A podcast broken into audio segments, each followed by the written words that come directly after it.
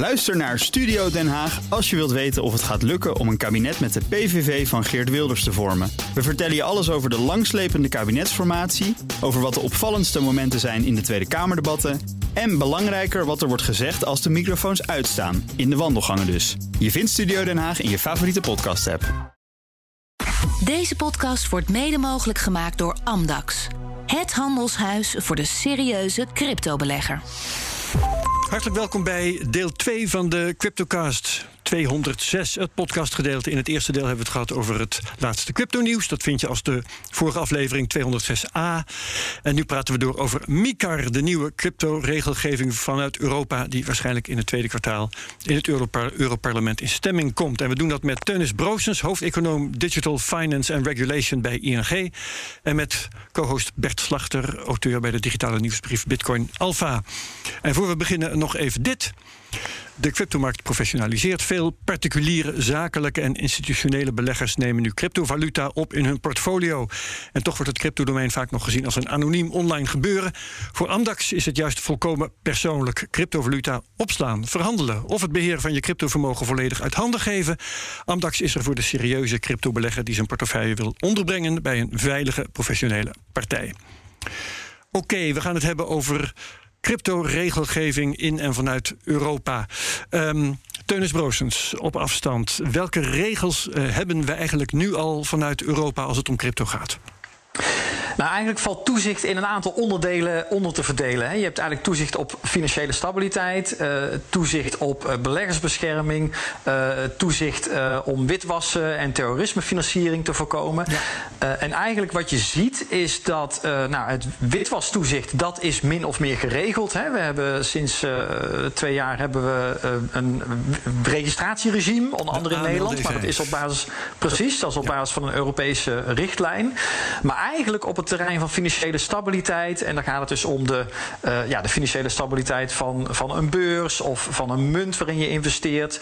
Uh, maar ook op het punt van beleggersbescherming is eigenlijk nog, nog niks geregeld. Hè. Er is voor traditionele aandelen, obligaties, is, er, zijn, ja, er is een heel raamwerk om uh, nou, voor beleggersbescherming, prospectustoezicht, maar dan gaat het ook over transparantie van de markt, voorkomen dat de markt gemanipuleerd wordt. Ehm, dus ja, daar is, daar is echt heel veel. Uh, voor financiële stabiliteit heb je natuurlijk bij banken over kapitaalseisen. Maar dan heb je het ook over uh, maatregelen voor uh, beleggingsfondsen. Dat die netjes hun, um, hun bezittingen scheiden van hun eigen boekhouding. Hè, zodat als zo'n fondsbelegger in de, zo'n fondsbeheerder in problemen komt, dat de klant gewoon zijn geld houdt. Nou, al ja. dat soort zaken die zijn er nu nog niet. en dat zijn eigenlijk allemaal zaken die in MICAR aangepakt gaan worden. Waar dus regulering voor komt. Ja, en uh, Mikar uh, is in uh, het radiogedeelte, de podcast A206, al verteld Markets in Crypto Assets. Je ziet ook wel de afkorting MICA, hè, want die R staat dan voor Regulation, als ik me niet vergis. En die wordt wel eens ja. weggelaten. Um, ja, kun je nog eventjes uh, oprakelen? Het is, uh, sommige mensen zullen dubbel horen, maar dat moet dan maar eventjes. Wat uh, die MICAR van plan is te gaan reguleren. Nou, er zijn een hele hoop dingen die deze regulering uh, gaat aanpakken. Ja, 67 uh, pagina's, hè? Dus. Uh, ja, het, het ja. is een hoop pagina's. Hè? En daarnaast moet je ook nog bedenken dat uh, als dit allemaal is goedgekeurd, dan wordt aan de toezichthouders gevraagd om wat ze dan noemen technische standaarden te ontwikkelen. Dat betekent eigenlijk dat een aantal van de definities en een invulling eigenlijk van de bepalingen in MICAR, die worden uitgewerkt in, nou, wat, wat bedoelen we daar nou precies mee en wat betekent dat nou concreet? hoe, hoe kun je je daaraan houden? Nou, dan, dan gaat dat, uh, die 160 pagina's nog uh, echt wel een paar keer vermenigvuldigd worden. Oh ja. Dus het wordt, nog een, uh, het wordt nog een hele kluif. Maar eigenlijk richt dat MICAR zich op een aantal verschillende partijen. Eigenlijk op uitgevers van munten. En dan wordt eigenlijk nog een onderscheid gemaakt in, laat ik zeggen, traditionele cryptovaluta versus stablecoins. En bij die stablecoins mm -hmm. wordt dan weer een nader onderscheid gemaakt in ja, verschillende typen stablecoins.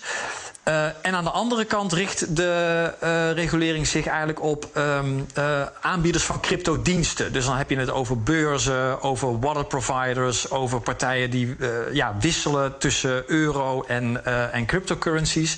en die moeten dus ook een eisen voldoen. Dus dat zijn eigenlijk de partijen waar Mika zich op richt. Ja, um, nou ja, Bert. Ja, die die, die beurzen, je hebt wallet providers. Bij wallet denk ik aan een app op mijn telefoon. Maar dan heb je denk ik over um, bedrijven, centrale partijen. En niet over um, uh, dat je het zelf in beheer hebt. Hè? Want dat, dat noemen we natuurlijk ook een wallet. Ja, nee, precies. Ik heb het over. Uh, um, ja, precies. Wallets. Hè, als je je wallet laat beheren door een, eh, door een derde partij. Hè, ja. Als je een, uh, een self-hosted wallet hebt, zeg maar. Dus een, of een unhosted wallet, uh, zo gezegd. dus als je je wallet compleet in eigen beheer hebt, dan dat valt niet onder MiCAR. Hè. MiCAR richt zich echt ja, aan de ene kant op de uitgevers van cryptomunten. En anderzijds op de, de tussenpersonen. Nou ja, als jij zelf je eigen crypto-wallet beheert, dan is er dus geen tussenpersoon. Dus is MiCAR niet van toepassing. Wat natuurlijk wel zo is, is dat uh, op het moment dat een beurs een transactie uh, van of naar zo'n uh, wallet in eigen beheer doet, ja, dan zegt Mika wel, ja, dan moet je wel uh, weten wie dat is. En nou, dat is onder de huidige hmm. AML D5 ook al zo, maar dat, dat blijft wel van kracht onder Mika. Ja, um, nou kwam ik allerlei uh, dingen tegen. Ik heb geprobeerd om, om wat dingen uit die regelgeving te halen, hè, want die documenten die staan gewoon online. Um, Waar geldt uh, die uh, MICA-regelgeving, ja, die, uh, als die dan eenmaal gaat gelden, waarschijnlijk in 2024, um, geldt voor bedrijven die cryptodiensten aanbieden in Europa. En denk ik, oké, maar wanneer bied je cryptodiensten in Europa? Ik zal een voorbeeld geven. Deribit zit in Panama, biedt zijn diensten wereldwijd aan, niet speciaal in Europa. Maar gaan de diensten van Deribit dan onder zo'n zo'n regelgeving vallen of toch weer niet? Ja, dat is, hè, het lastige is inderdaad natuurlijk dat een digitale wereld, eh, waar zeker in crypto, wat natuurlijk wereldwijd functioneert, en hoe verhoudt zich dat tot regelgeving die zich aan geografische grenzen houdt? Nou, dat is inderdaad een lastig probleem. Uh, in dit geval is het eigenlijk, um, nou, wat wordt gezegd is van, nou, als een een beurs, uh, dus een, een, handelsplatform of een wallet provider, die moet sowieso uh, een kantoor in Europa hebben. Anders mag je niet diensten in Europa aanbieden. Maar dan met mijn vraag is eh, eigenlijk: wanneer bied je diensten in Europa aan? Ja, nee, precies. precies. in sommige gevallen is het ook relevant. Hè? Dat heeft met de AML D5-regelgeving te maken, geloof ik. Of je wel of niet je website in het Nederlands hebt. ja, dat, ja, precies. Dat, klopt. dat, is, dat is zeg maar ja. in, in Nederland. marketing doet in een bepaald, bepaald land. Ja, dus ideal nee, precies. Dus ja, alleen, en het punt is alleen dat in Amerika zie je vaak dat er dan gezegd wordt van je mag ook helemaal niet toegankelijk zijn voor Amerikaanse burgers. Dus die moeten zijn IP-adres gaan afschermen. Dus wat is dat hier ook doen? Dat, dat, is mijn vraag. Ja, ja, ja. ja. nee, precies. Maar de, wat hier dan het geval is, hè, als een aanbieder uit het buitenland is, dan mag hij niet actief uh, Europese klanten benaderen. Uh, wat natuurlijk wel mag, is dat een Europese klant op eigen initiatief naar uh, ja, een website in het buitenland gaat en daar diensten afneemt. Maar dan ook, hè, mag zo'n buitenlandse aanbieder niet actief ook niet aan zo'n bestaande klant weer andere diensten aanbieden. Hè. Er mag geen marketing, geen reclame plaatsvinden. Uh, hè, want anders wordt zo'n partij beschouwd. Van, ja, dan ben je gewoon illegaal bezig op de Europese markt. Dus het gaat er eigenlijk om. Uh, ja, als jij uh, je, je cryptomunt of je platform op de tram zet in Amsterdam. ja, dan ben je duidelijk aan marketing bezig in Europa. En dan moet je dus je in Europa registreren. als jij je heel passief opstelt, dan nou, dan kun je daarmee wegkomen. Maar het is ook zo, kijk, stel dat er een munt is die uh, inderdaad in Panama uh, uitgegeven wordt uh, of beheerd wordt. Ehm, maar als een Europese beurs die wel in Europa gebaseerd is, dan zegt van goh, wij gaan die buitenlandse munt op ons platform opnemen. Dan zegt Mika, ja, dat is heel leuk. Maar die munt zelf, uh, die is, heeft helemaal geen autorisatie in Europa. Dus dan ben jij nu als beursplatform verantwoordelijk dat die munt aan de Europese eisen voldoet. Want we kunnen dat niet zelf bij die beurs in Panama, of sorry, bij die munt in Panama wegleggen, want dat valt buiten onze jurisdictie. Maar als jij als Europese beurs zo'n munt in Europa aanbiedt aan Europese klanten, dan gaan we jou verantwoordelijk uh, houden daarvoor. Ja. Krijgen we dan een soort van whitelist, uh, Teuners? Uh, er komt in ieder geval er komt een blacklist. Hè. Wat uh, de Europese toezichthouder ESMA uh, moet gaan doen, is dat hij een lijst gaat bijhouden van aanbieders die ja, ze, dan wel dus ongeoorloofd op de Europese markt actief zijn. Hè. Dus dan heb je het met name natuurlijk over buitenlandse partijen die wel marketing doen in Europa zonder zich in Europa te registreren. Het kan ook gaan om Europese partijen die, ja, die ook niet voldoen aan de eisen. Um, dus zo'n blacklist komt er. Interessant overigens staat bij die blacklist ook uh, decentralized uh, organizations. Uh, die, ja, of, sorry, ik moet specifiek zijn. Gedecentraliseerde beurzen, ja, die zijn ook ongeoorloofd. En dat vond ik wel een interessant aspect. Want er wordt aan de ene kant gezegd. gedecentraliseerde uh, opgezette munten, die zijn prima. En die vallen eigenlijk onder een paar uitzonderingen. Daar zijn de eisen lichter voor. Maar een gedecentraliseerde beurs, nou, dat vinden we toch iets te ingewikkeld. En dat willen we eigenlijk niet hebben. Dat, dat is wat ik er een beetje uithaal. De, begrijp je dan dat, dat Uniswap is dan verboden in Europa, bijvoorbeeld? Ja, dat durf ik dus niet helemaal te zeggen. Want ik, ik, het, het verbaasde me een beetje uh, dat dit er zo stond. Het is ook een amendement uh, vanuit het Europese parlement. Dus het is ook nog helemaal de vraag hoe dat er doorkomt. Uh, maar ik denk wel, een van de vragen die we echt de komende maanden in de onderhandelingen goed in de gaten moeten houden, is hoe gaat Mika om met de echt gedecentraliseerde uh, organisaties. Hè. Enerzijds de beurzen, maar ook, ja, laat ik zeggen, de, de soort van fondsen. En de Uniswaps, de DeFi-achtige zaken die decentraal zijn. Hè, want aan de ene kant zegt Mika op een paar plaatsen van, nou ja, als het echt decentraal is, dan hoef je geen whitepaper te doen en dan val je onder minder toezicht. Aan de andere kant staat er dus wel van, ja, maar een gedecentraliseerde beurs, die komt op de uh, de blacklist van ESMA. Dus uh, ja, het kan een beetje verschillende kanten op. Dus ik, ik, ik denk dat iedereen, ook de wetgevers, hè, ook uh, de mensen in het Europese parlement, dat ze echt een beetje aan het worstelen zijn van enerzijds willen we innovatie bevorderen, hè, want ja. dat was echt een van de doelstellingen van MICAR. En we willen dus ook die decentrale protocollen willen we een kans geven. Ja, anderzijds, we willen wel dat toezicht houden. En we willen wel zorgen dat de beurzen in Europa transparant zijn. En dat klanten erop kunnen vertrouwen. En ja, hoe doen we dat nou met decentrale beurzen? Dus ik denk dat het echt een worsteling is. En dat het laatste woord hier nog niet over gezegd is. Teunis, ik hoor jou praten over uh, de whitepapers. Dat is wel grappig, want dat is een uh, traditie uit de cryptowereld. die opeens in crypto-regelgeving van de officiële Europese kant nu voorgeschreven gaat worden. Is dat iets heel bijzonders dat dat op deze manier terugkomt?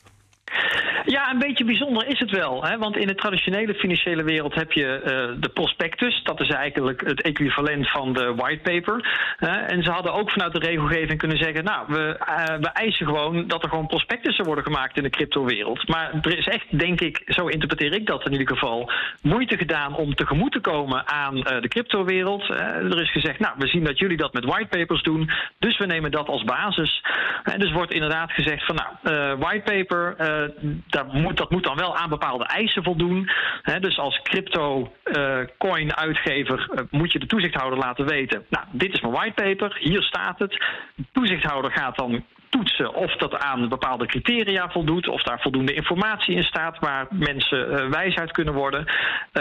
Ja, en als de toezichthouder het oké vindt, nou, dan kun je aan de slag. En als de toezichthouder het niet oké vindt, nou, dan, dan krijg je nog wat huiswerk mee.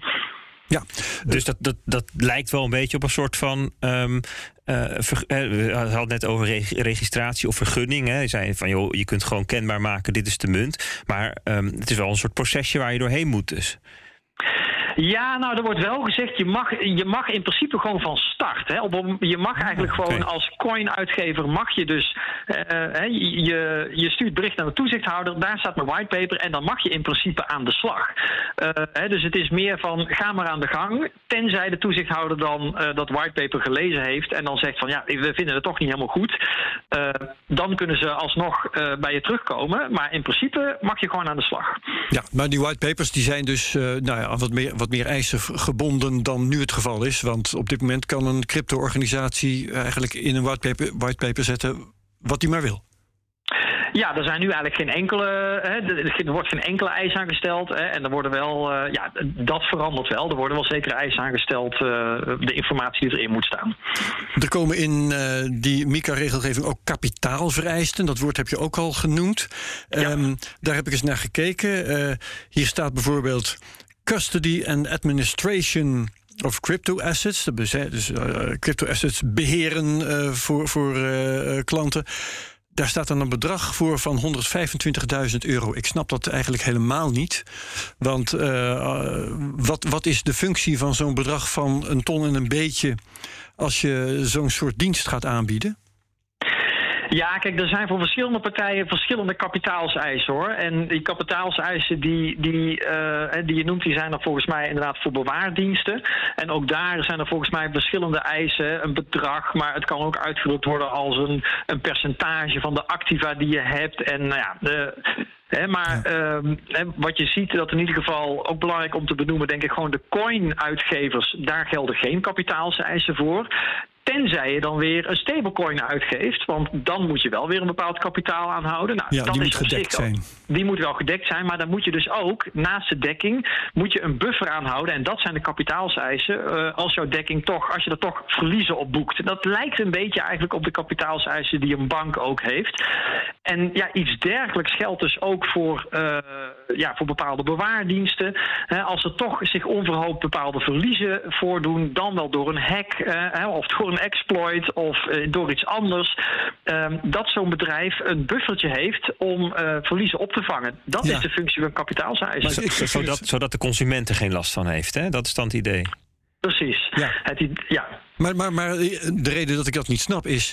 je zou willen dat het bedrag dat ze in reserve moeten houden... dat dat uh, een functie is van het bedrag dat ze van mensen in bewaring hebben... bijvoorbeeld, of, of van partijen in bewaring hebben... van bedrijven, mensen, wat dan ook.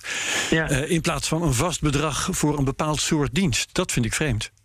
Ja ik, ja, ik moet je zeggen, ik heb dit op, voor deze specifieke dienst heb ik het uh, niet helemaal scherp wat de eisen zijn. Ik heb op verschillende plekken wel gezien dat er wordt gezegd, uh, de kapitaalseis moet het hoogste bedrag zijn van dan wel een vast bedrag, dan wel een percentage van de activa, dan wel dit, dan wel dat.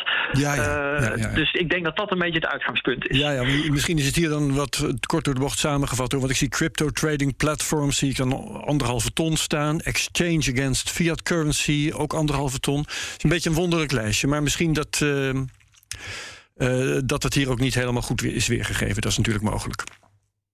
Oké. Okay. Um, kun je, uh, Teunis, wat Nederlandse bedrijven noemen waarvoor dit gevolgen gaat hebben? Nou, het gaat, het, het, gaat gevolgen hebben voor, uh, ja, eigenlijk voor alle beurzen, voor uh, alle wallet providers. Dus ik denk eigenlijk alle bedrijven die op dit moment al een registratie hebben bij de Nederlandse bank uit hoofden van de, uh, de WWFT, hè, dus de, de anti-witwasrichtlijn. Ja. ja, dat dat soort bedrijven dat die zich ook um, ja, moeten gaan aanmelden eigenlijk als cryptodienstverlener onder uh, onder deze MICAR. En dan wordt het ook wel interessant, hè, want eigenlijk waarschijnlijk gaat het er in Nederland op uitdraaien dat de AFM de toezichthouder wordt voor cryptodienstverleners. Dat is eigenlijk ook wel logisch, omdat hè, financiële markten vallen in Nederland onder het toezicht van de AFM. Dan heb je het over de beurs, uh, over vermogensbeheerders, dat soort partijen. Ehm, terwijl natuurlijk op dit moment uh, het anti-witwas toezicht ook op cryptobedrijven ligt bij DNB. en wat voor mij nog wel een groot vraagteken is, is ja, wat gaat er gebeuren met dat witwastoezicht als MICAR eenmaal actief geworden is? Nou, want het zou natuurlijk fijner zijn, zeker vanuit het perspectief van cryptobedrijven, als ze gewoon één toezichthouder hebben straks. Dat ja. zou dan de AFM worden. Um, en ja, ik heb het idee, als ik MICAR zo doorlees, dat het ook wel een beetje het idee is eigenlijk dat het, het huidige witwasregime, dat dat, ja, laat ik zeggen, in MICAR gevouwen wordt. Maar ja, wat dat in de praktijk dan betekent voor de huidige, het huidige registratieregime en de bevoegdheden van de Nederlandse bank, um, dat is nog wel een vraagteken. Um, Teunis, die, die um, registratie hè, van die, van die crypto-dienstverleners, dat gaat dan wel op Europees niveau gebeuren, hè? Niet, niet op landelijk niveau. Nou, wat er gaat gebeuren is dat uh, voor de meeste cryptodienstverleners uh, zal de nationale toezichthouder de plek zijn. Dat is het loket waar je naartoe gaat als cryptodienstverlener en waar je registreert. En de nationale toezichthouder zal ook de belangrijkste toezichthouder zijn. Maar vervolgens mag je vanuit het land waar je je geregistreerd hebt, mag je je als crypto-aanbieder over de hele Europese markt of de hele EU-markt, daar mag je je begeven. Het enige wat je dan hoeft te doen, is dat je tegen je thuis toezichthouder zegt: Goh, ik ga nou ook in Frankrijk, Duitsland, hè, ga ik ook actief zijn. Dan moet die nationale toezichthouder, dus in ons geval in Nederland de AFM, die moet dan een berichtje sturen aan de Franse en de Duitse toezichthouder om te zeggen: Goh, kijk, nou, dit Nederlandse bedrijf wat onder mijn toezicht staat, gaat nu ook in jouw land zaken aanbieden. dus dat is nog niet één Europese toezichthouder, maar het is wel het idee dat je als als bedrijf dat je in principe met je nationale toezichthouder te maken hebt en dat je niet nog apart hè, in ieder land weer uh, opnieuw uh, je moet aanmelden bij de nationale toezichthouder. Want dat, dat is nu met, met het, uh, het anti-witwassen wel het geval. Hè? Dan moet je dus in Nederland registreren bij de Nederlandse bank en in Frankrijk en in Duitsland en in allemaal bij de respectievelijke toezichthouders om in die landen actief te mogen zijn. Ja, en het, het is uh, eigenlijk eerlijk gezegd is het nog een vraagteken hoe dat zich gaat ontwikkelen. Uh, en, en dat hangt niet alleen af van MICAR, uh, maar dat hangt ook af van de ontwikkeling van het anti-witwas uh, toezicht in Europese context. Want eigenlijk los van wat er in de cryptowereld gebeurt, uh, liggen er ook al nieuwe voorstellen voor een nieuwe anti-wiswat, anti, anti-witwas richtlijn, anti-witwas verordening moet ik zeggen, in Europa er liggen eigenlijk plannen om één Europese anti-witwas toezichthouder uh, te maken. Die dus niet alleen voor de cryptowereld, maar voor de hele financiële wereld. En ja, dat gaat eigenlijk, denk ik, heel belangrijk zijn. Dat gaat bepalen ook, ook voor de cryptowereld, uh, hoe dat anti-witwas toezicht in de praktijk uit gaat vallen. Dus dat hangt nog eigenlijk helemaal in de lucht hoe dat deel zich gaat ontwikkelen. Met andere woorden, de komst van MICAR betekent niet dat automatisch ook het registratieregime bij de Nederlandse bank en, dat, en in al die andere landen, dat dat opgelost wordt. Dat is eigenlijk een apart, aparte track van de AMLR en de AMLD6 en die, die, die AML-autoriteit. Dat moet los daarvan moeten we dat zien uitspelen. En dat, dat, dat eigenlijk gescheiden wereld van, van, van het markttoezicht. Dat lijkt er wel op. Hè. Ik, ik ben op dit punt, ik vind het heel moeilijk in te schatten. Uh, ik ben nog geen jurist, maar als ik het allemaal zo'n beetje lees. Eh, wat het moeilijk maakt, is dat ook in MICAR staat van alles over verplichtingen tegen witwassen enzovoort. En dan wordt ook de AML-richtlijn wordt ook herhaaldelijk genoemd. Van nou, je moet gewoon voor je crypto-registratie als crypto-aanbieder, daar zit, zitten anti-witwas uh, verplichtingen zitten daarbij inbegrepen. Ja, maar aan de andere kant heb je uh, die anti-witwasrichtlijn die op zichzelf staat. Dus dit is gewoon echt ja, nog niet uitgekristalliseerd. dus het zou zomaar kunnen dat dat, uh, uh, ja, dat, dat, dat, dat in eerste instantie dat dat anti-witwasregime nog apart blijft bestaan. Maar het is mij eerlijk gezegd gewoon onduidelijk op dit moment. Opmerkelijk hoor dat er zoveel dingen nog onduidelijk zijn bij wetgeving die zo dicht bij definitief zijn aanzit. Nou, dat zeg je Herbert, dichtbij. Ik ben wel benieuwd, wat is eigenlijk de tijdlijn? Ja, nou, nou, wat ik aan het begin heb gezegd is uh, stemming in het Europarlement, tweede kwartaal van dit jaar. Dus dan praat je over redelijk. Maar goed, maar, Teunis, zeg het maar. Ja, nou, eh, inderdaad, hè, dat is wat nu verwacht wordt, dat de stemming Europarlement het tweede kwartaal. Uh, de fase die daarna komt, is dat uh, dan liggen er drie versies van MICAR. Het Europese parlement heeft dan een versie, het, de Europese Commissie heeft een versie en de Europese Raad van Regeringsleiders heeft een versie. Nou, dat zijn drie versies. Die moeten dan, dat moet dan tot één versie gesmeed worden. Zijn die dus heel verschillend dan? Nou, dat lijkt wel mee te vallen. Hè. Dus dat is een proces wat, uh, om tot één versie te komen, die misschien niet zo heel lang hoeft te duren. dus eigenlijk is de algemene verwachting een beetje van nou, als die stemming in het Europees Parlement heeft plaatsgevonden, dan moet het misschien wel lukken om in de tweede helft van dit jaar uh, tot die ene versie te komen. Uh, en dan kan MICA dus eigenlijk eind dit jaar vastgesteld worden. En dan uh, gaat het nog 18 maanden duren uh, voordat die in werking treedt. Dus we zitten eigenlijk nu op een tijdpad. Midden 2024 zou dit van kracht kunnen zijn. En in werking treden is dat dan een deadline waarvoor iets gebeurd moet zijn? Met andere woorden, hij is al meteen in werking, maar je hebt 18 maanden de tijd om je eraan aan te passen? Of gaat hij ook echt pas, wordt hij pas van kracht na die 18 maanden? Hij wordt van kracht na 18 maanden, maar het, het idee is wel natuurlijk om uh, in die 18 maanden dat partijen zich ervoor klaarmaken. En niet alleen marktpartijen, maar ook de toezichthouders. Hè, want er moet dan na 18 maanden uh, moet er inderdaad uh, een mogelijkheid zijn om je te registreren, om je aan te melden. Hè. Dus dat moet allemaal uitgewerkt worden. Je hebt de technische standaarden waar ik het eerder over had, die door de toezichthouders geschreven moeten worden. Van wat bedoelen we precies met bepaalde definities en bepaalde verplichtingen. Nou, dat, dus er moet echt een hoop gebeuren in die 18 maanden. Dus dat is nog best ambitieus om het allemaal voor elkaar te krijgen. We hebben het net gehad over, over gevolgen voor een bepaald soort bedrijven, nou ja, aanbieders van wallets en zo. Hoe zit het met um, crypto-verschijnselen waar je wat minder makkelijk bedrijven, partijen voor kunt aanwijzen? Decentralized finance. Um, Gaat het daar gevolgen voor hebben? Zo ja, hoe, hè, hoe hou je toezicht op decentralized finance? Leg dat eens uit. Nou, eh, dat gaat een beetje, dat is een beetje een, een, een tweesporen beleid. Hè? En ik denk inderdaad goed om, zoals uh, Bert eerder aangaf, om dan een beetje de, ja, de, de, cryptomunten of um, ja, een beetje te scheiden van uh, meer de platforms. Uh, omdat uh, bij munten en ja, bij decentralized finance vind ik het een beetje moeilijk om dat in te schatten. Ehm, aan de ene kant bij, die, bij de munten wordt echt gezegd van nou, daar willen we ruimte bieden voor een decentrale benadering. Terwijl echt bij de platforms er wordt gezegd van nou, daar vinden we decentraal niet zo geschikt.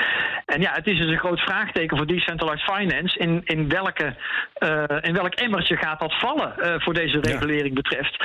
En dat is mij eigenlijk nog niet zo helder. er wordt, nee, dat is niet zo helder, omdat eigenlijk, je ziet eigenlijk dat deze regulering zich heel erg op coins uh, richt en op, uh, op handel, uh, op bewaardiensten, op custody.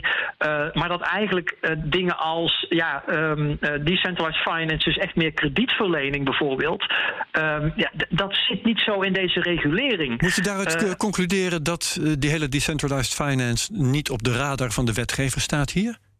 Mm, nou, kijk, je kunt in ieder geval concluderen dat de Europese Commissie is. Uh, de eerste versie van het voorstel is alweer anderhalf jaar oud. Uh, ja, toen was die centralized finance natuurlijk ook al, maar ja, toch wat minder prominent ja. dan vandaag de dag. dus ik denk wel dat inderdaad de opkomst van die centralized finance niet helemaal verwerkt is in, in, ja. in MICAR. Uh, hè, en, en ja, dat maakt het ook wel lastig. Hè, want aan de ene kant uh, heeft de Europese Commissie ook echt de bedoeling van... nou, wij willen die regulering wat ze dan uh, agnostisch voor technologie noemen. Hè, dus het ja, idee is van, nou, het maakt niet uit Precies, technologie onafhankelijk. Uh, maar ja, eigenlijk wat je dus ziet is dat uh, DeFi, maar ook uh, NFT's en non-fungible tokens, die worden ook wel genoemd links en rechts. Ja. Maar ja, ook niet helemaal duidelijk. Vallen die er nou onder, vallen die er nou niet onder? je ziet eigenlijk al dat, dat, dat ja, dit voorstel nu anderhalf jaar oud en de ontwikkelingen zijn alweer verder gegaan. En ja, ook hier een hoop vraagtekens. Ja, iets wat er wel heel duidelijk in staat trouwens. Um, ik citeer even waar het staat staat, weet ik niet meer precies, maar ik heb het eruit gepikt. Privacy tokens that deter user identification and transaction history. Dus uh, coins die uh, het identificeren van de gebruiker niet toelaten en, en het uh, vaststellen van de transactiegeschiedenis, die zijn prohibited, die worden verboden. Betekent dat het einde van Monero, Verge, Zcash en dat soort coins? Nou ja, kijk, het wordt, het, het, het, wordt natuurlijk niet mogelijk. De Europese Commissie of de AFM, die, die kan natuurlijk niet uh, Monero als zodanig verbieden. Nee. Uh, maar wat het wel betekent is dat een, een, beurs die in Nederland actief is, zal Monero niet mogen opnemen op zijn uh, platform. Dus het, het, blijft natuurlijk mogelijk om als individu zelf transacties te doen vanuit je self-hosted wallet, ja. vanaf, met, met dergelijke munten. Maar het wordt voor geregistreerde bedrijven in Europa, ja, die mogen daar dus niet, die, geen diensten aanbieden in dat soort munten. Ja.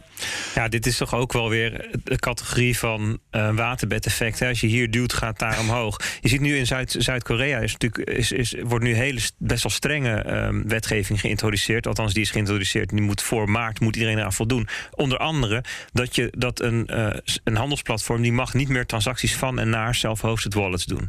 Dat is nu zo geregeld. Hè, dus er zijn ook een aantal Huobi's bijvoorbeeld weggaan naar Zuid-Korea. Wat doen die Zuid-Koreanen nu? Die boeken het eerst naar Binance en dan naar hun self-hosted wallet. En ja. andersom ook, want van, Binance, uh, van en naar Binance mag wel, want daar ben je geïdentificeerd. Ja, dus het verplaatst alleen maar. En je ziet nu um, open source protocollen opkomen waarbij je um, uh, gedecentraliseerde zoncentrale partijen kunt swappen tussen bijvoorbeeld Bitcoin en Monero. Dus dit is natuurlijk gewoon, ja. Dit, dit gaat niet worden. Ja, kat en, kat en muis. muis precies. Ja. Uh, hoe heet het? Whack-a-mole. Ja. Ja, oké. Um, laten we het over stablecoins hebben. Hoe zit, uh, ziet de regelgeving rond, rond stablecoins er nu eigenlijk uit?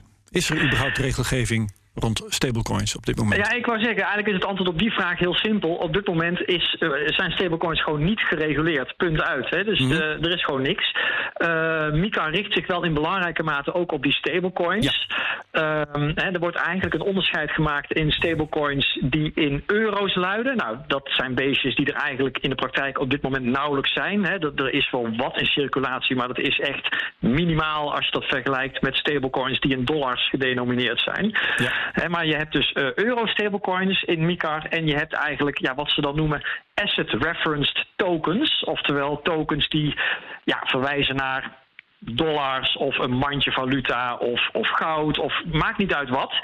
Um, en daar is specifieke regulering voor, voor dit soort tokens. Hè. Eigenlijk, uh, ja, ook die moeten zich aanmelden bij de nationale toezichthouders. Uh, die moeten dus kapitaal aanhouden. Dus die moeten, hier ook de uitgevers, hè, in tegenstelling tot bitcoin en gewone cryptomunten, moeten dit soort stablecoins, die moeten een buffer aanhouden. Ze mogen geen rente vergoeden. Nou, er zijn allerlei aanvullende uh, eisen. En als jij een euro stablecoin wil uitgeven, uh, dan val je onder de strengste regulering. Dan moet je of een bankvergunning hebben, of uh, wat dan een elektronisch geldvergunning heet. Dat zijn bestaande soorten vergunningen. Uh, maar daar zitten dus behoorlijk zware eisen op. Hè. Je ziet eigenlijk, dit is eigenlijk een uitvloeisel van het hele verhaal rond Facebook en Libra, DM. Ehm, hè, waar beleidsmakers zich eigenlijk een beetje uh, rotgeschrokken zijn en hebben gezegd: ja, van, oei, ja.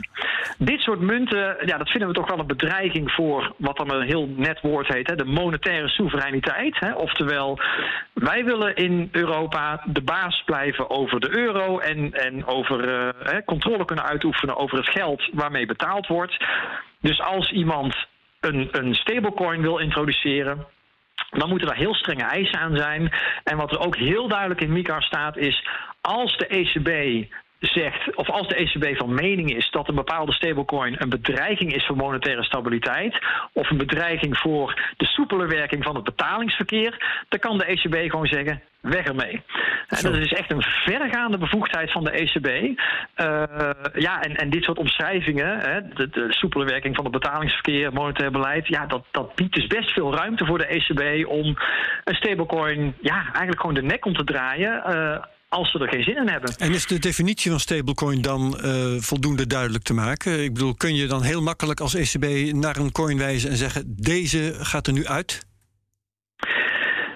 Ja, de, de proof of the pudding is in the eating. Hè. Dat, ja. dat, zal, uh, dat zal moeten blijken. Maar ik denk wel, hè, op, op het moment dat een, een, een bepaalde coin eigenlijk de ambitie uitspreekt van nou, hè, wij willen dat deze coin gewoon uh, de euro volgt qua prijs. Uh, ik denk eigenlijk in de praktijk, hè, als, het, als het loopt als een eend en als het kwaakt als een eend, dan kunnen we het er wel over eens worden dat het een eend is. En ik denk dat dat bij de meeste stablecoins ook wel zo zal zijn. Ja, um Goed, uh, jij nog vragen over stablecoins, Bert? Want anders gaan we door naar het volgende. En je zei, het, het strengste regime is niet voor de euro, maar voor die asset-backed, hè? Nee, het strengste regime is voor de euro-stablecoins. Uh, Oké. Okay. Ja. Omdat die lijken op onze eigen Europese munt natuurlijk. En moet, ja. moet je dan decentrale stablecoins, hè, zoals de DAI en de UST bijvoorbeeld... moet je die dan zien als asset-backed? Nou, voor de, uh, voor de. Ja, er wordt wel specifiek uh, gerefereerd aan algoritmische stablecoins. Dat en daarvan, ik, ja. wordt, ja, hè, en daarvan wordt gezegd van nou, die vallen buiten het regime van uh, asset reference token. Hè. Dus als een algoritmische stablecoin, die, ja, die valt dan onder het normale regime van de, de cryptocoins. Dus een whitepaper is dan genoeg. Maar daar wordt er wel bij gezegd, ja, dat is dan het geval zolang dat algoritme puur eigenlijk het aanbod van die munt zelf managt.